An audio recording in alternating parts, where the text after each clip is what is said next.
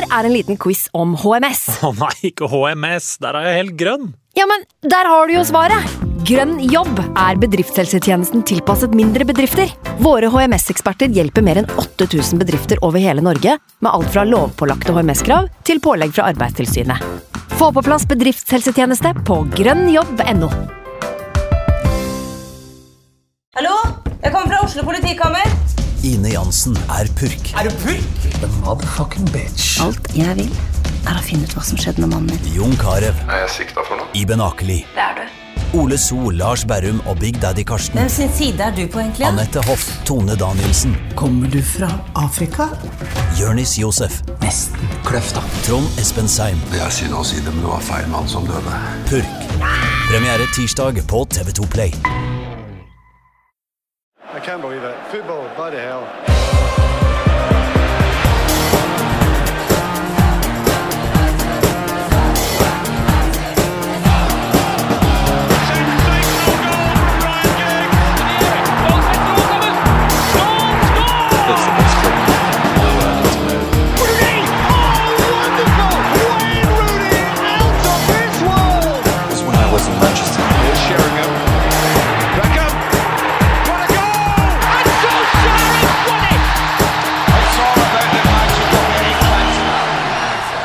Velkommen til atter en utgave av United We Podcast. Jeg heter som vanlig Ken Vasenius Nilsen. Anders Serener er også som vanlig på plass. Hallo, Anders. Hallo, hallo. I dag eh, så blir det en liten spesial. Vi skal snakke om dette forbanna oppkjøpet. det er det som er planen. Derfor så har vi med oss eh, Fridtjof Melle. Hallo, Fridtjof. Hallo, hallo. United-supporter, men også rådgiver for eh, private alternative investorer på et globalt nivå. Det er store ord. Det er store ord, og sanne ord. Derfor også en av få eh, som vi kan få inn i dette studioet som kanskje skjønner litt av hva som foregår med dette oppkjøpet av United. Men som sagt så er du også United-supporter, Fridtjof. For å begynne med det litt myke, da. Eh, hvordan ble du det? Godt spørsmål. Eh, jeg har jo vært United-supporter nå i nærmere 30 år. Eh, Ja. Så det har vært en lang reise gjennom både godt og ondt, kan man si, underveis, og Ja. forskjellige eiere. Så jeg ble nok eh, tatt opp i ung alder eh, gjennom familie eh, som hatt et godt forhold til United før, før min tid, og fikk på meg en United-trøye i en alder av fem-seks år, og med Solskjær på banen, så og, og det teamet på den tiden, så, så, så, så, så, så gikk det fort fremover for meg. Ja. Det er jo litt sånn vår generasjon, da. Ja, Helt det umulig å komme unna Solskjær og Beckham på en måte, i skolegården på den Ja. tiden. Det er riktig. Og så er det ofte en drakt som skal til for å liksom manifestere det, har jeg skjønt. Altså at Man kan godt være supporter av United, litt sånn skapsupporter, men med en gang fattern har vært eh, en tur i England og kjøpt drakt, så er det der, liksom. Da er det no turning back, da.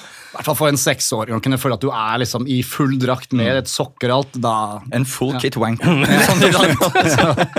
Men der hadde du meg. eh, har du noen favorittspiller, da? Du, altså Jeg tror jeg begynte med Solskjær. Eh, litt med det norske, og klart eh, Champions League-finalen i 99 spikret jo veldig eh, på det. Men, men i et, eldre tid etter hvert så tror jeg Cantona har stukket seg fram som et uh, idol for min del, og det står han som i dag også. Um, jeg mener måtte det han gjorde som kaptein og som, som spiller på begynnelsen av 90-tallet, og hentet hjem det seriegullet, det, det, det står fortsatt det, ja, det, det vekker meg, for å si det sånn. Ja, Det skal mye til å overgå den mannen. altså. Eh, og så er det også noe, jeg, jeg føler at han står ekstra sterkt som en legende pga. den liksom korte tiden han faktisk uh, var rett og slett profesjonell fotballspiller. Han hadde vel en kort karriere. Ja, og så har han verdens kuleste feiring, da. eh, Etter den chipen. Det, jeg har aldri sett en mann blåse ut brystkassa på den måten. Altså, bare all, han var så sexy på alle mulige måter. Et forbilde. Et forbilde. Han var det. Men i dag så er vi også her for å snakke om oppkjøp. Uh, en liten oppkjøpsspesial. Vi har, prøvd å, altså vi har ikke prøvd å styre unna dette, men det er vanskelig for oss å snakke om det, for vi forstår ikke mekanismene. Eh, det gjør du i litt større grad. Du kan jo begynne med å forklare jobben din, Fridtjof. Hva, ja, hva gjør du egentlig?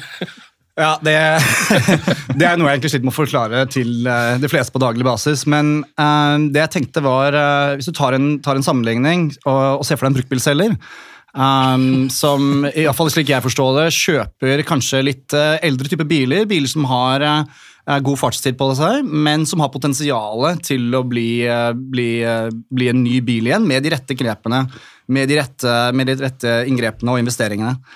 Um, og min jobb på en måte i den sammenhengen vil jo være å identifisere og validere de ulike biler som de ser på, uh, og uh, hjelpe dem å forstå hva er de riktige investeringene de må gjøre med disse bilene, for å, for å, for å kunne reparere de og, og, og på en måte selge de videre igjen uh, med profitt uh, etter hvert. Det eneste da som er viktig å få med det, er at eh, i, min sammenheng så er jo disse bilene selskaper. da. Ja. Store globale selskaper, eh, men fortsatt samme tankegangen, vil jeg si. Ja. Så du er inne og eh, er en slags rådgiver i sånne situasjoner som dette. Eh, kunne du ha vært involvert i Manchester United-oppkjøpet? Det uh, kunne jeg i prinsippet. Eh, Det vil si at uh, det jeg jobber med Hvis jeg hadde jobbet i den type industri som hvor United da faller inn under media og underholdning, uh, hvis man skal være litt på sånn industriinndeling Stem, så- United er media og underholdning, ja. det, det er riktig. Så det, Der faller de inn med mange typer media som dere kjenner til sikkert internasjonalt og andre ting. Når de skal omsettes og, og selges og investeres i, så, så faller fotballklubber også inn i den, inn i den delen. da. Oh, ja, det er litt Media interessant. underholdning. Det har jeg Ja. liksom aldri sett for meg fotballklubben Manchester United som. Nei, altså det er jo delvis underholdende å se på noen ganger. Det har, det har vært det før, i hvert fall. Det, det er litt nå igjen, men eh, ja. Ok, så media nå, Men du er da mest i eh, type tech? Er det sånn? Ja, det er riktig. riktig. Så jeg sitter da eh, som rådgiver mer på softwarebedrifter. da. Eh, på da globalt nivå, men selvfølgelig da mest i Europa, eh, egentlig. Riktig. Så, ja. Men hvis du hadde vært jobba i kategorien media og underholdning, så kunne du fort ha havna opp i oppkjøpet av Manchester United eh, og begynt å gi noen råd der. Det er helt riktig, og hvis du ser tilbake på når Glaciers tok over, så synes jeg det er ganske interessant at eh, Woodward var jo faktisk en rådgiver eh, hos uh, Ernst Young, som er et annet stort selskap globalt som driver med den type ting, og han gikk jo da inn som CEO etter å ha vært rådgiver i den transaksjonen. Så det spiller en stor rolle, da, og jeg er jo da et annet selskap med, i, teknologi. eh, Hvor du gjør lignende ting. Lignende Og ting. Hadde du gjort en bedre jobb enn Woodward som CEO, tror du? Det, det, det ønsker jeg å tro. Ja. Etter å ha Hvis sett du hadde, eh, hvis du hadde fått den rollen? sirkus han har drevet eh, et par år. Ja, det vil jeg håpe, men det er jo, skal ikke sitte og si det her herfra. Og så ser jeg liksom for meg Ken, at Hvis han nå hadde vært involvert i United, så hadde ikke vi fått vite det. Nei, det For det er så mye hemmelighold rundt disse tingene her. Det er jo en egen sak. Ja, ekstremt, faktisk. Um, jeg må jo si selv, jeg jobber jo i transaksjoner nå aktivt og, og gjort det i mange mange år. Og du, du, selv når du er involvert i en transaksjon, så er det veldig need to know basis um, på, på ulike ja, områder du skal rådgi, og på hvor transaksjonen er. og det eh, Hemmeligholdet er ekstremt, eh, men det holdes også veldig tett hvem som er informert om hva, slik at eh, man kan sikre at man er ansvarlig for å, for, for, for å forholde det hemmelig. Da. Men hvorfor er det så hemmelig? Det går mye fordi at Manchester United, uten å være verdens største fotballklubb, er jo også listet i dag på børsen i USA. og det gjør jo at eh, det er omsettes jo da hver eneste dag eh, verdier i Manchester United. Eh, og lovningen er jo da slik at de som eh, alle skal ha lik tilgang på informasjon eh, for å kunne da kjøpe og selge aksjer, at ingen skal kunne selge med informasjon som ingen andre har, eller kjøpe med informasjon som ingen andre har. Um, og dermed er det da ulovlig å sitte på privat informasjon, så fremt du da ikke også er for, forbeholdt å ikke kunne kjøpe og selge aksjer. Da er det jo relevant også å spørre om hvor mye vet vi egentlig om det som foregår med oppkjøpet av Manchester United akkurat nå? Ja, det, det er, jeg, jeg føler jeg sitter og ser litt på Sky Sports og følger med online og, og ser litt sånn hva, hva, hva, er det man, hva er det som kommer ut. på en måte. Det er ekstremt lite. Det er eh, ekstremt lite som kommer ut. Jeg tror man eh, også kan se for at det er ikke veldig mange mennesker heller som sitter med relevant informasjon. Eh, og de er så få at eh, hvis det skulle komme ut, så vil jo disse fort bli gjenkjent på en eller annen måte. Ja. Eh, og, og samtidig så, så, så vet jo kanskje ikke heller de hele bildet av hva som skjer. At det er ikke så mye det heller de kan si, annet enn hva de rådgir om og hva de gir input. og det er vel kanskje bare Ratcliffe og Jassim som, og, og Glazer som sitter egentlig på det totale bildet av hva som foregår. Fordi Vi så jo forrige uke så kom noen sånne rapporter som det kalles, om at nå var Qatar det var egentlig done deal. Og Da så man jo at de aksjeprisene bare føyk i været. ikke sant? Uh, og så viser det seg at det er jo da egentlig, det var jo bare tull. Det, det var det. Jeg tror vel det var vel eh, et mediebyrå i Qatar som eies av Jassim også. som kom med, kom med litt sånn kjappe nyheter, og sikkert litt dårlig oversatt, kan jeg se for meg også. Um, og Eh, det, det, det som er jo spennende, selvfølgelig, og som gjør at det er en spennende situasjon, er jo at selvfølgelig hvis eh, Jassim skulle ja, kom til at han skulle gått inn med et stort bud, så klart at da lønner det seg å sitte med aksjer i Man United akkurat nå, fordi da har du garantert at noen kjøper disse aksjene til en pris som allerede er satt. Så Det er derfor de aksjene og prisene da går opp når de ryktene kommer. Helt riktig, fordi du er garantert å bli da kjøpt ut uh, til en potensielt høyere pris enn det de aksjene ble tradet for på det tidspunktet. da. Hva hvis uh, sir Jim Ratcliffe hadde kommet med et eh, slags bud, eller hvis noen hadde det kommet rykter om at han nå uh, lå an til å ta over, hva ville skjedd med aksjene da? Jeg tror de også ville gått opp, ja. så fremt ikke verdien er lavere enn det det blitt snakket om til Mm. dags dato. fordi altså, aksjer, Ikke at jeg er en rådgiver innenfor akkurat aksjer, det var det, men, men, men, men det, det, det ville jo på en måte tas, tas med i, i kalkuleringen der hva den fremtidige verdien kommer til å være, og hva det fremtidige salget kommer til å være. Men sånn som du har skjønt det, da, hva er det som skjer akkurat nå? Eh, i, hvor er vi, hvor står vi nå, så med den informasjonen vi har klart å få tak i, da, som Mm. du har klart å få tak i, eh, med dette oppkjøpet? Ja, så det, det er ganske spennende, fordi det er jo klart at når et klubb som Manchester United skal omsettes og, og selges, så er det jo et ekstremt fåtall av aktører som har økonomisk mulighet til å gå inn, eh, og interesse i å gå inn i et sånt type selskap. Um, og, og, dermed er det en spe- spe- spent situasjon, men også en situasjon som tar lang tid. Det klart det begynte i november, tror jeg var første, eh, første, første nuss om at de eventuelt skulle åpne for et salg. Um, og per i dag så er det vel uh, slik at uh, det har vært mange interesser underveis, men det er Ratcliffe da på vegne av jeg tror Ineos Chemical Company, et britisk kjemisk selskap, eh, og eh, eh, altså Sheikh Jazim, som, som er på vegne av Qatar, som nå sitter inne i, i en nå eh, litt mer, litt mer spisset runde, hvor de har da meldt en, en høyere interesse. Hvor jeg tror begge to per dags dato ønsker å formidle om eksklusivitet eh, med, med Manchester United for å forhandle en avtale. Hva vil, hva vil det si? Så eksklusivitet det er eh, noe man ser eh, på, på bredt nivå når et selskap skal eh, omsettes, både store og små. Eh, og, og det er egentlig noe en kjøper ber om for å sikre trygge eh, og, eh, og eh, sam, eh, trygge og mer eh, langsiktige samtaler for å kunne gjøre en bedre vurdering av om et, et oppkjøp og til hvilken pris og til hvilke uh, ja, considerations, som man skal ta det på engelsk. For de, for de mer innblikk Det, det, det er helt riktig. så Det det, det egentlig går på, er at eh, en eksklusivitet er en avtale på ofte 30-60 dager, eh, hvor du da gjør en slags commitment, en slags eh, finansiell commitment om at du ønsker egentlig å kjøpe Manchester United, som du selvfølgelig kan trekke deg fra med en, med en, med en, med en slags penalty, på, eh, en financial penalty, men eh, hvor du da, hvor du da ønsker å liksom gå dypere inn i økonomien til Manchester United, dypere inn i planene, ha lengre og dypere samtaler, hvor du ikke ønsker at en annen kjøper skal kunne komme inn og forstyrre disse samtalene med et høyere bud underveis mens du sitter og gjør dypere analyse og egentlig prøver å planlegge om du et oppkjøp. på en måte da. Ja, For det vil jo forstyrre hele greiene, vil ikke det? Hvis noen legger inn et bud, så er jo plutselig alt forandra seg. Da må du begynne på nytt igjen, liksom. Det er helt riktig, og det er klart at det er veldig mye investeringer når du først skal gjøre da en såkalt due diligence, eh, som du gjerne da ønsker å gjøre for et sånt type oppkjøp. Eh, og det er klart at Da har du jo masse rådgivere sånn som meg selv, som sitter på daglig basis, og relativt dyre rådgivere som jobber døgnet rundt med, på underliggende premisser eh, som, som er lagt til grunn for oppkjøpet. Og det er klart Hvis disse budene skulle kommet inn annenhver dag, så vil jo det arbeidet bare gå ut vinduet. Ja, ja. ikke sant? Det blir et forstyrrende element. Men så du som da rådgiver selv, er det sånn at du øh, ønsker eksklusivitet når du jobber med sånne avtaler, fordi at du får arbeidsro? 100 Det gir jo en helt annen ro. på en måte. Ja. Eh, og klart Hvis du da vet at du har 30 dager, så kan du på en måte sette opp og gjøre en mye bedre analyse. For du kan si at dette er det vi kan gjøre denne uken. her, La oss se på dette neste uke. Du kan få glaciers, og deres, du kan tilrettelegge for deres schedule osv.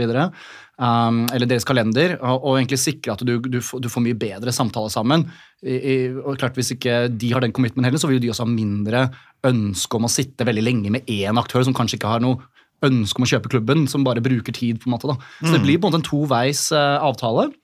Og slik jeg skjønner det, så er det altså i dag uh, Nå holder de på å altså Jasim og eh, eh, og, og, og Glazer er vel i, you know, i ferd med å, å prøve å se om de kan lande en slik eksklusivitetsavtale. da. Ja, ok. Så det er på det nivået, Vi er på, liksom på det nivået hvor du skal lande eksklusiviteten, før man så skal begynne å egentlig sette i gang avtalen i det hele tatt. Det er helt riktig. Uh, det å lande det, for det er klart uh, det du vil, er å legge til grunn en slags ramme på hva kanskje prisen på klubben vil være. Hva er det du skal liksom sette deg inn og forhandle om. Eh, og også hva vil det si hvis du trekker deg fra denne avtalen. Klart 30 dager, sommervinduet. Det er veldig interesse for Glaciers at noe kan skje nå i løpet av sommeren. Både for kjøper og for selger. Um, og de ønsker da å sikre at eh, den de går inn i eksklusivitet med, om det er Ratcliffe eller eh, Qatar, så vil de jo sikre at det er riktig ramme for hva de da vil få ut hvis det skulle gå, gå igjennom. på en måte. Mm. Eh, jeg tror de faktisk venter litt nå på å se om Ratcliffe i, i forløpet av det ønsker å komme med kanskje et høyere bud for å, for å pushe litt på den eksklusivitetsavtalen, som så jo at han mister jo da fullstendig access til, til dette uh, i løpet av de 30-60 dagene de blir enige om. Ok, Så det er liksom det Ratcliffe må eventuelt gjøre nå, hvis han virkelig har lyst på den klubben? da, Så må han inn og uh, få seg eksklusivitet selv? Eller i hvert fall uh, sikre seg sånn at Qatar ikke får det? Helt riktig, og det kan han gjøre med å komme med et høyere bud, f.eks. Eh, som, som, som da vil si at Glazer vil si at nå må vi begynne forhandlingene på nytt, fordi nå er jo rammen her en helt ny. på en måte. Eh, og det tror jeg de egentlig drar litt ut prosessen med, for å se og gi han litt tid og eventuelt kunne komme med noe sånt, når de vet at han er interessert. da. Eh, Men for å sykt enkelt, er det noe av grunnen til at det drar så jævlig ut? Det, det vil jeg si. Jeg tror uh, Glazer, som vi kjenner godt til, er jo uh, mest av alt, uh, uten at jeg får lov til å si det, opptatt av penger. Det er lov å si. Det, det, Det- den, den liksom brannfakelen ta tar vi. veldig upolitisk her, men det, det, det føler jeg har sett uh, vi har sett mye, og de, de er jo nå på slutten av en prosess hvor de har uh, hentet mye penger utover mange år, uh, men nå kan få en kjempeavslutning med å selge denne klubben til fem, seks, syv ganger det den ble kjøpt for. Og det er klart, uh, klart Når du selger med en sånn type profitt, så, så, så er jo 500 millioner Sånn som du byr på hus, er det sånn 100 000 opp, 100 000 ned. 100 millioner opp, Det er, det er veldig mye penger. Uh, og for dem så er det veldig viktig å de, har mer, de ønsker å ta seg god tid for å sikre at de får det riktige prisen. Uh, Spesielt nå som det er flere interessert. og eh, du kan jo se for deg de også tenker jo Qatar har jo i hvert fall nok penger, for eksempel. Ja, Det er jo en drømmesituasjon for dem da, eh, å ha to såpass liksom, rike parter som faktisk driver og byr på klubben. Det kunne jo vært helt motsatt, at det var én bare. Eh, på en måte, Det er jo veldig ofte sånn. Men er det flere, eller er det bare to? Tror du? I en sånn prosess? Det, det vil nok ha vært siden november. vil jeg jo tro. Klart jeg først og fremst øh, ikke i den, den delen av bransjen, og samtidig ikke vært vel ved til det, så jeg har jo ikke noe Dette blir bare synsing fra min egen side. Uh, men uh, jeg vil jo stort sett så er det veldig mange som ser på dette. Uh, det er en attraktiv mulighet for veldig mange. Uh, og det er sikkert veldig mange som om de ikke har så hatt interesse for det selv, som har hatt rådgivere som har kommet til dem med et perspektiv på å si sånn du, du som investor burde vurdere dette. Uh, så det er mange som har liksom satt seg inn i dette på et visst nivå. Men jeg tror det, viser, det ser veldig ut som at det er Ratcliffe og Qatar nå som ser på en måte da som en del av sin kall det 10-20-årsplan. da, mm. Å gjøre en kjempeinvestering inn i, inn i English Premier League som en del av deres eh, langtidsstrategi, og ønsker å da betale det lille ekstra uh, for dette. Uh, for, for, for, det, det blir en del av en større eh, ja, strategi for dem. da. Jeg har litt lyst til å spørre deg om noe som er en, en blanding av et profesjonelt og litt privat spørsmål. fordi eh, når du sitter, og du jobber jo med dette her, liksom ting som dette her, og så ser du Glazers, men samtidig så er du United-supporter. Eh, Så liksom, Tenker du på Glazers som, som glimrende businessmenn som du kan se opp til fordi du jobber med det, eller hvordan, hvordan ser du på det hele? Altså, jeg, vil jo, jeg vil jo si på personlig nivå eh, at eh, jeg har jo eh, veldig, veldig hvert fall respekt for det, det, det rent etiske man, man må ta stilling til når det gjelder investeringer. Altså, sånn, det, er klart, det er jo alltid en side av det som er at man ønsker å få mest mulig igjen for det man putter inn. Men så er det også en side av at det, når du begynner å jobbe på så store summer, så har du jo en mye større altså impact da, på, på det som skjer rundt. Og som Manchester United-reporter så må jeg si at eh, det Glazers har gjort med klubben i løpet av de siste 15-20 årene, det, det er jeg ingen stor tilhenger av. Eh, jeg tror de har hentet mer ut enn det de har tatt inn, og, og egentlig dratt ting lenger ut, litt sånn som vi ser nå, enn, enn å prøve å finne en løsning som er best for klubben. Um, så kan man si sånn, hva, hva betyr det? Det betyr at de er ikke Manchester United-supportere. Det tror jeg vi kan være, det kan jeg si at det jeg mener. Uh, men uh, men jeg, de, de, Og de har jo da handlet 100% på det kyniske, uh, som, som, jeg, som jeg mener at uh, selv om du ikke er Manchester United-supporter, så, så, så, så skal du fortsatt ha respekt for, for, for et selskap, de som er ansatt, og i denne sammenheng alle supporterne uh, så- så- som er rundt. og det, det her har ikke levd opp til mine standarder, i hvert fall. Nei, ikke sant? Så selv om du på en måte ser at de klarer å tjene penger på dette, og sikkert har en viss respekt for det, så er det United-supporteren som vinner den kampen oppi hudet ditt. Det, det er helt riktig. Det er, den, eh, den går av med seieren glatt på det. Og jeg gleder meg veldig nå, for helt ærlig. Jeg er, eh, og dette som er sånn spennende for, for alle United-supportere, er vi er jo nå på om det er snakk om jul eller er snakk om august. Om det er snakk om til jul altså sånn, Det er snakk om et par måneder her nå før vi går inn i en ny æra. Og kall det Ratcliffe, kall det Qatar. Det blir spennende, eh, etter min mening. Mer spennende enn det det har vært tidligere. Skal vi prøve å tenke litt på, Jeg vet ikke hvor mye dere eller du har sett på dette her, men ehm, det er jo grunner til at disse to partene vil ha denne klubben. Uh, jeg føler at den ene siden, eh, altså Qatar sin side, den, der er det, hører man ordet sportsvasking hele tiden. Vi vet jo hva det er, på en måte. Nå har vi vel snakka så mye om at vi vet hva det er, men vet du hvor effektivt det er? Ja, Det er et godt spørsmål. Det er jo litt sånn for oss alle å tenke på. Eh, vi var jo begge vitne, eller alle tre her vitne til Qatar-VM, Mhm. som jeg vil si at det er en lignende investering. Mm. Eh, du, du prøver å uh, sette penger inn, um, inn i et stort stort marked av, uh, av fotballinteresserte, uh, hvor det selvfølgelig er penger å hente ut, men det er samtidig også et image um, å, å hente ut. Og jeg tror For Qatar så, så, så, så, så, så, så ligger det jo dette som en slags potensiell videre investering inn i dette, hvor, uh, hvor jeg, altså sportsvasking er eh, eh, Om de ønsker å sportvaske, men i hvert fall ta til seg noe av det brandet fotball har, og, og ta noe av det positive og, og bygge det inn i Qatar. Noe de har sett at Abu Dhabi har gjort veldig suksess med, med City Football Group. Mm. Så det er- funker. Det, det, det, virker litt sånn. Ja, fordi Det må jo være en veldig sånn kalkulert altså Disse sjeikene, nå snakker jeg veldig generelt, at det uh, har jo ikke historisk for meg virket som mennesker som vil ha fokus på seg selv. Uh, eller disse generelt Glazers også, for den saks skyld. Men når, når du går inn og kjøper Manchester, Manchester United, så du kjøper jo med deg veldig mye mer enn du gjør med for til Newcastle eller andre typer klubber. Det er helt riktig det, og det, Hvis du ser på i dag, så tenker du sånn Hvor mange klubber er det som ligger ute? Og det er sikkert veldig mange. Eh, vi, vi, kanskje vi har sett Liverpool, Inter Milan Det er flere klubber som kanskje ligger ute og er, er potensielt interesse rundt. Man United føler jeg er på Når du først skal sånn sette deg inn i det, så, så må du ha et ønske om å selvfølgelig få en ekstremt stor base av eh, supportere som, som, som hører på det du sier, men også du må være klar for at du får et ekstremt høyt stort fokus rundt deg selv. Eh, og det er som du sier, altså, med alt det som kom ut av Qatar, og, og klart hvor mye det kom på banen, hvordan de har operert med å bygge ut de stadionene og, og de byene som, som, som, som, var til, eh, som var et fundament for det, så vil jo de få bare enda større fokus på dette videre. Uh, og det må jo være, det er litt interessant å tenke på hvordan er det de ser det. Det, det må jo være slik at de da, hvis de ønsker å videre med dette, ser på at den balansen av det de positive de kan få med seg, overveier det negative. At de mener at de har en slags kontroll på den kommunikasjonen og strategien videre, som Mm. kan gå dem til gode. da. Um, uh, eller at de ønsker dette fokuset for å faktisk få ryddet opp internt. Det er jo veldig vanskelig å vite egentlig hva som skjer på innsiden der, og hvordan de tenker på sin 20-årsstrategi. Det er ingen tvil om at hvis du kjøper Man United, så vil det være en milepæl i Qatars historie, eh, på lik linje med VM, og vil påvirke deres identitet på nasjonalt nivå i sikkert de neste ti årene. Ja, for det er jo det man liksom Det var jo en diskusjon som var oppe da eh, Qatar fikk VM. At på den ene siden så skjønner vi jo hva dette er, vi skjønner hvorfor de vil det. På den andre siden så er det også en glimrende anledning til å sette fokus på det som skjer der. På en måte, Og det ble jo voldsomt mye fokus på det som skjer der. Det må jo sies. Det ble jo like mye fokus på det som på at Messi vant VM, syns jeg. Kanskje mer også. Absolutt. Så den, det pluss-minus-regnskapet der er jo vanskelig å skjønne hvordan Men det høres hvordan ut som det regnskapet er sånn sykt uh, rundt syv milliarder. Så det, er jo, så det er jo på en måte Det er jo store summer det er snakk om. Da. De må vel da ha en eller annen klar, langsiktig plan med den sportsvaskingen. For det er jo det det er. Det er jo Såpass er det må det kunne være. altså Når Qatar går inn her nå, det er jo et level av sportsvasking uansett. Jeg tror man er fire fair å si det, at sånn, Du ønsker på en måte å ta det imaget rundt fotball og det gode med fotball, eh, og, og liksom forene det med din nasjonalitet. eh, og gjøre Qatar til et fotballand, altså, som de nå prøvde sist. på en måte.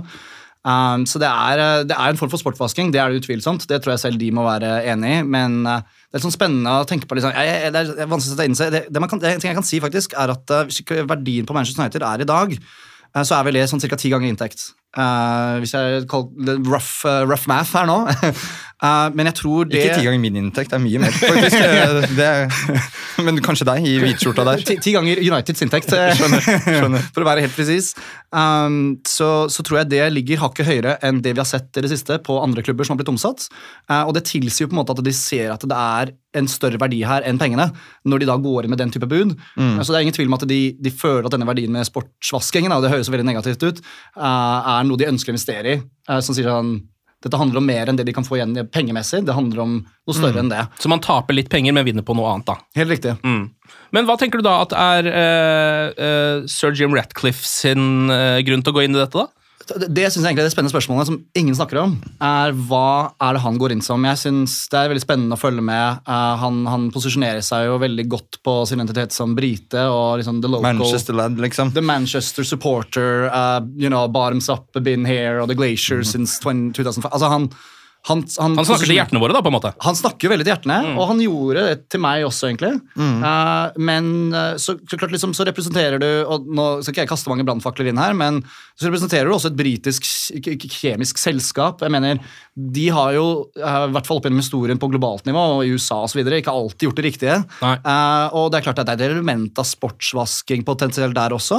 Og han vil jo også få den samme prisrammen på at han betaler mye høyere ganger inntekt enn det jeg har gjort for andre klubber. Som Mm. gjør at han også er nødt til å se en verdi Enten som United-supporter, som er veldig imponerende, hvis du, hvis du legger så mye i potten på det, Mm. eller at det er noe han ser videre for sitt selskap og, og sin vei videre. da. Um, men det, det er vanskelig å spekulere. ass. Det kan være på et individuelt nivå, det kan være på et selskapsnivå, det kan være på noe lenger bak som vi ennå ikke har fått helt innblikk i. Men det er klart at det er noe mer. Det er Ja. ingen tvil om. Men da Glazerne gikk inn, så var det, var det utelukkende for å tjene spenn, eller? Alle var liksom på en måte åpne på det. det var ikke noe, mye- du hadde ikke noen annen grunn til å gå inn i United enn bare vi skal ha penger for det. Jeg tror det så var veldig interaktivt med United i 2005 og klart nå skal ikke jeg må igjen bare kvalifisere at jeg er ikke noen ekspert på denne industrien, så dette blir jo litt sånn personlig fra mitt nivå som supporter, først og fremst. Men jeg vil si at Uniteds økonomi har jo alltid vært veldig attraktiv fordi den eh, går rundt seg selv. Eh, du har klubber sånn som City og Newcastle og andre som du ser at når du skal gå inn, så er du nødt til å, her, må du gå i minus Mm. til en viss grad. Eh, United har jo hatt en fordel at de fleste årene så har jo det både overgangsbudsjett og, og økonomi generelt har gått i pluss, uh, som har gjort at de egentlig bare hentet penger ut uh, mot å sette inn. Så jeg tror de gikk inn først og fremst for det var en kjempegod investering. Ja. Ok, men eh, sånn som det er per nå, da, med det lille vi sitter på av info, hvem tror du kommer til å sitte igjen som eier av Manchester United? Uh, ja, Om flere måneder, sannsynligvis, men når dette skal landes, da? Har du noen favoritt her? Ikke, ikke personlig, men uh, ut ifra forutsetningene, liksom? Ja, Det er et kjempeinteressant spørsmål, og eh, jeg prøver å gi et kort svar, men jeg bare synes det er viktig å liksom sette seg litt inn i sånn, hvordan skal man vurdere det, og hvordan vurderer jeg det? da? Ja, Hvordan vurderer du det? Eh, og jeg tror det er viktig å tenke på sånn, Hva er en eier for oss som supportere? Hva er det som er viktig for oss? da? Eh, hvordan skal vi liksom gjøre den vurderingen? Og jeg tror Det som er viktig for meg uh, personlig, er at en eier skal være den største supporteren til klubben når det kommer til å hjelpe til å gjennomføre det som er viktig. Eh, det å på en måte si at eh, om det er Ten Hag, eller om det er en sportsdirektør, eller om det er kvinnelaget til Man United, eller om det er eh, Old Trafford sin ansvarlige på en måte, som sier sånn du, vi, vi, vi trenger en investering her. Dette, her har jeg en plan for om vi skal gjennomføre noe. Jeg trenger, jeg trenger support her. liksom. Jeg trenger, dere må hjelpe oss til å få gjennomført dette. Så det viktigste for min del eh, på en måte er en eier som, som, som er innstilt på å komme og, og si ja til veldig mange av de planene. Spenn. Spenn. Spenn. Eh, rett og slett spenn. Eh, spenn, men også klart, det er jo ikke det er det, men altså, det er kontakter. Det er liksom Ok, fett. vi, ok, Du trenger en som er jævlig god på det. Vi har brede kontakter globalt. Um, du ønsker en som er veldig god på å sette opp dette Paul Trafford. Du skal bygge det og det. Greit, uh, la oss hjelpe deg med det. da. Det er ikke sikkert han som sitter ansvarlig Paul Trafford, eller hvem de har ansatt der, er det liksom hele kontaktverket innenfor stadionbygging. på en måte. Nei. Men Qatar kan også være med eh, ikke Qatar, men Qatar eller Ratcliffe kan også være med som, eh, som, en, eh, som en slags kontaktbygger. på en måte det, Og hente inn de riktige folkene. og overbevise de riktige folkene om å begynne å jobbe i Manchester United. Bygge en selskapskultur som tiltrekker seg folk som er veldig flinke. Det er jo på en måte noe som en eier kan sitte og bidra med. Um, og det er litt det premisset jeg tror man er viktig å vurdere det på, i hvert fall fra min side. Um, der eh, føler jeg at både Ratcliffe og Qatar selvfølgelig har positive og negative sider, men jeg heller faktisk litt mot Qatar personlig. Fordi jeg tror at hvis de nå ønsker å gå inn i dette, så tror jeg de kommer til å ta det ekstremt seriøst. Jeg tror at de sitter på nok kapital til å kunne legge opp en tiårsplan for United. Uh, jeg, jeg tror at de ønsker å liksom legge det på det nivået. Du har sett hva som har skjedd med City, med City Football Group. Det er ti klubber globalt sammen. Ikke at det er det som må være målet for United, men det er i hvert fall en, en sykt kul langtidstenkning da, for en klubb. Og så må vi bli enige om hva vi ønsker at United skal se ut om ti år. Men jeg tror Qatar er i hvert fall en klubb som ønsker å bygge noe sammen over en lengre periode.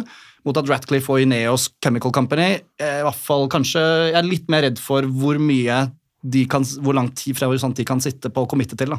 Ja.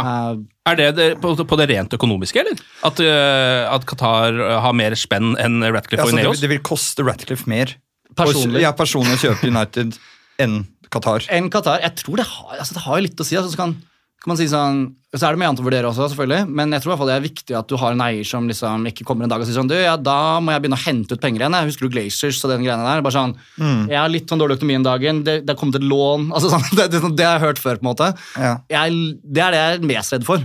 Å komme tilbake til den situasjonen. Jeg tror liksom ikke Qatar det er ikke, det er ikke deres greie. Nei. Slik jeg har skjønt det med stadionbyggene og sånne ting. Um, så for meg er det litt sånn det er mest brent av Glaciers og skal ikke tilbake dit. Mm. Jeg syns Qatar er lenger unna det enn det Ratcliffe er, uten å kjenne han personlig. Ja, ja. Men, Um, men, men tror du at det er eh, Er det noen parter her som tar med seg liksom den eh, Om ikke det etiske, men det at altså, Det er jo mange Manchester United-sportere som har trua med at de kommer til å slutte å heie Mm. på Manchester United eh, hvis det blir qatarske eiere. Um, at det rett og slett kan være et inntektsfall pga. det. Er det noen som er redd for det i det hele tatt, eller føler man det som tomme trusler, bare? Nei, absolutt ikke det. Jeg tror man tar det ekstremt seriøst. Um, uh, I hvert fall i en sånn slags overgangsfase. så er det klart at uh, hvis, hvis det som eventuelt det som skjer, er jo at det er jo noe som snakker om det. Og jeg tror ganske som del av den prosessen de går gjennom nå, så ønsker de å få en analyse av det. Og så er det ikke sikkert at det betyr at dette er et kjempestort, at det er, men det er noen som kommer til å sette seg ned og prøve å finne ut av hvor, mange, hvor stor er den bevegelsen, som ikke er positiv til oss. Vil den ha faktisk innvirkning på det vi ser for oss at United kommer til å være i størrelse av klubb de neste ti årene? Og hvis det er noen som helst eh, innvirkning på det, så vil jo det måtte tas med i forhandlingene med Glaciers, og potensielt også innvirke på om hele tatt United er et attraktivt å kjøpe. Eh, men det, det skal litt til. Uh, det skal det. Det må være markant. Ja, ikke sant? Um, og det er vel litt derfor vi også kanskje ser at de slipper litt sånne At det ser i hvert fall ut som Qatar slipper litt sånn Hvis vi kommer, så henter vi Mbappe. Eh, altså, de, de driver jo aktivt og selger seg inn hos supportere. Eh, akkurat som Ratcliffe også gjør det på sin måte, men Qatar gjør det jo bare veldig mye større, virker det som. Ja. Ja. Neymar, Mbappe, det finnes ikke en spiller ikke de skal hente. på en måte. Og Det er jo litt sånn spennende og litt sånn skummelt samtidig. og litt sånn heftig. Men jeg tror også viktig, bare for å ta det du sa først um, altså Jeg har jo stor respekt for uh, det Nå som jeg da sa at jeg var litt mer for Qatar, på en måte, så tror jeg ekstremt stor respekt for det man da sier om dette rent etiske, og hvordan de har holdt på å bygget ut uh, nede i Qatar. Um, så det, det er noe man da må ta med seg veldig med inn i vurderingen også, som en andre del. En ting er liksom hva vi ønsker de neste ti årene. To, hvem er det vi ønsker å bli forbundet med de neste ti årene? Altså, ok, Qatar blir sportsvasket, vi blir Qatar-vasket. Uh, det, det Ja, er noe man må liksom ta med seg inn. Uh, og det er litt sånn per, per i dag ønsker å sette meg litt mer inn og forstå hva han er de tenker de videre. Er det, Ønsker de jo egentlig å komme ut som en har de dårlig samvittighet? Ønsker de å liksom bli, eh, ha dette som en kanal til å vise at de er mye mer enn det de har fått rykte på seg? Er de helt grusomme fortsatt? Så, altså sånn, ja, så, så, så, er det noe å ta med seg. Men, uh, men uh, ja, det, det, det er ekstremt viktig å, å tenke litt på det også. Og så tror jeg, som du sier, det viktigste middelet for å formidle det, er jo bare å ta standpunkt. Og, og, og hvis det er nok folk som gjør det, så, så, så vil det ha en innvirkning på hele prosessen. Og så eh, litt sånn til, til slutt her, før vi går tom for uh, O2 i studio. Uh, for det er ganske Det er så varmt her! Det er så varmt her inne, Det er så varmt! Det, Uh, Er det helt sikkert at det nå blir et salg av Manchester United i det hele tatt? Eller kan man se for seg et scenario hvor Glazerne fortsatt eier det eh, godt inn i neste sesong og flere år til? Ja, altså, nå skal ikke jeg Eller jeg må jo det bare fordi det er jo morsomt å, å, å, å, si noen tall, for da kan man jo holdes til ansvar senere. Og Ja. det er jo alltid, er alltid fint. i, sånne formater. Uh, men uh, jeg, jeg vil faktisk si at det er uh, jeg, jeg vil personlig ikke sagt at det er mer enn 60-70% sannsynlighet for at noe skjer nå i løpet av de neste uh, par ukene. 60-70, ja. Ja. Det er, ikke, det er jo ikke så mye. det var litt sånn Det er, det er lite. Det er nesten, det er, det er nesten bare 50-50 også, for ja. det. Altså 60-70% Det vil si at eh, ja, da er det godt sannsynlig at Glazerne fortsatt sitter der, sånn som du ser det. Og det vil jeg si i hvert fall i nær tid. Eh, Ja. Når vi nå snakker eh, 1. august, når sesongen sparkes i gang august-september-skiftet der, um, så, så vil jeg si at du, du, du, må, du må kunne se for deg en verden hvor at Glazers fortsatt sitter her, at de ikke har blitt enige fordi de er eh, griske og egentlig ikke har så hastverk å komme seg ut som det man kanskje tror i at de har startet en prosess. Ja. Um, men det at de kommer seg ut i løpet av la oss si tolv måneder, da nærmer vi oss fort 100. Okay, ja. For de ønsker jo dette siden november og har startet en prosess. Spørsmålet er bare om den timingen kan gå opp nå. Uh, for, altså overgangsvinduet før sesongen Ja, starter. Det er jeg mer redd for. Det er kanskje ikke gratis for Glazers heller å drive denne prosessen her? Eller? Nei, det er det absolutt ikke. Så de, Um, de taper jo penger på å drive med dette, de også, med mennesker som deg som er involvert og og ha lignende. rådgivere involvert. Det er helt klart det. det er, og ikke bare det, men det er også en slags eh, mental prosess. Altså, det er jo altså sånn, sitte, Se for deg at du sitter i et boligsalg i sånn tre måneder med visninger. altså sånn, Det er, Ja, det er- det er et mareritt uten like. på en måte. Så, Ja. så det er litt sånn mer det. Jeg tror, eh, jeg, jeg tror de er såpass kalkulerte finansielt at de kommer til å holde i sopp igjen til de føler at de får det de ønsker å ha. på en måte. Og det er det som gjør det litt sånn skummelt for oss. Eh, og, så, og så kommer det selvfølgelig et tidspunkt vi bare sånn, ok, nå må vi bare komme oss videre her. på en måte. Mm. Men eh, jeg ser liksom ikke det, det, jeg jeg får ikke den følelsen sånn per i dag. da, At de, at de sitter så til. Jeg tror de liksom venter på at noen skal bare gå all in og bare sånn ah, men Da blir det 7 milliarder dollar, og så, Ja, snakk, og så snakkes vi. på en måte. Ja, ja. de, de håper på den per i dag, tror jeg. Ja, ja, det gir mening. Ok, Er det noe vi da ikke har uh, sagt om uh, dette salget? Er det noe du lurer på, Anders? Ja, vet du, det er det faktisk. En siste ting. Uh, når en av disse menneskene kjøper Manchester United, vil det da være penger på bok umiddelbart? Eller er det også noe som tar sjukt lang tid? Det er Altså, veldig godt poeng. Um, så det du egentlig spør om er sånn, ok, Du kjøper en klubb, tar du opp et stort lån, og så sitter du egentlig bare og betaler renter et år? eller ja, kan vi kjøpe spillere? Kan, kan Manchester United kjøpe spillere i sommer eh, hvis Ja. de blir solgt? Det, det jeg tror, det som kanskje værer på vår vei, om du kaller det Ratcliffe eller kaller det Qatar, så er det at uh, en, eh, begge de er nok veldig interessert i å komme inn som et startskudd og bare ok, vi skal vise at vi er her, vi skal vise at vi skal gjøre en stor entré, vi skal ha noe type Karim Benzema-velkomst av noen ganske snart. altså sånn, Litt på det nivået. Um, det, det- vil umiddelbart være en slags overtakelsesdato, litt sånn som i bolig. på en måte, Og når den er eh, gjort, så tror jeg det kommer til å eh, flyte godt eh, i første gang for å, for å sikre at man liksom åpner ballet på riktig måte. da, Litt som å sprette champagnen uh, for sant? å åpne god middag. Ja. Um, Og det gjør man jo, så klart. Det er klart man gjør det. Skal sprettes mer enn champagne hvis dette går rett vei. Det skal jeg love dere. jeg, Det tenker da kommer vi tilbake. Da kommer vi tilbake igjen. Veldig bra. Uh, Fridtjof, tusen takk for praten og forklaringene. Nå skjønner vi bitte litt grann mer eh, av dette, selv om det fortsatt er en materie eh, av det ville helvete. Det må jeg bare si. Ja, det er det. Det er det. Hjernen min eh, jobber litt nå, altså. Ja, den gjør det. Ja, den gjør faktisk det. Jeg har jo én uke på Handelshøyskolen. Jeg kom ikke, så det hjelper ikke her. Ah, kjenner jeg. to i p-matte, altså. Ja, du ser det? Ja, ja. Hva hadde du? Jeg hadde sex. Ja, det, det er godt å høre. Det er derfor du satt her i dag. Fridtjof Anders, tusen takk for praten, og glory, glory.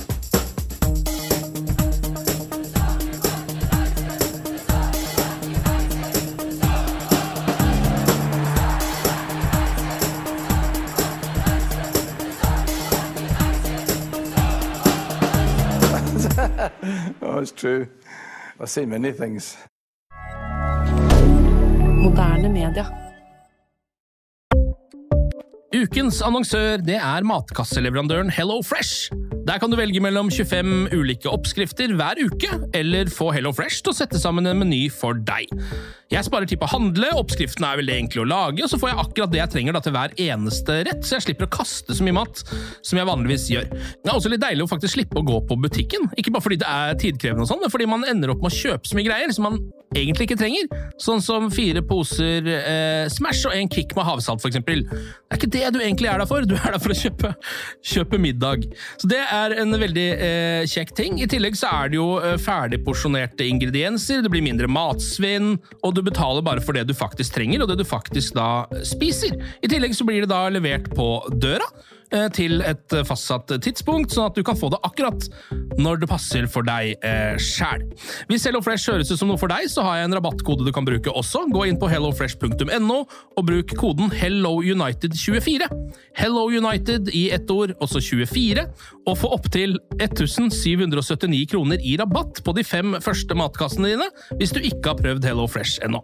Du kan også bruke koden hvis du tidligere har vært kunde, men har stoppa abonnementet ditt for tolv måneder siden eller mer. Det er ingen bindingstid, og du kan pause eller avslutte abonnementet ditt akkurat når du selv måtte ønske. Husk koden HelloUnited24, og bon appétit! Ukens annonsør er Folio, en smartere banktjeneste for deg som har en egen bedrift eller ønsker å starte for deg selv. Folio er en superenkel nettbank for bedrifter. Som kunde i Folio får du en bedriftskonto med et bedriftskort og app. I denne appen er det smarte løsninger som forenkler regnskapet ditt, uansett om du har en liten bedrift eller et enkeltpersonsforetak. Folio er både intuitivt og brukervennlig, og er laget med et enkelt språk.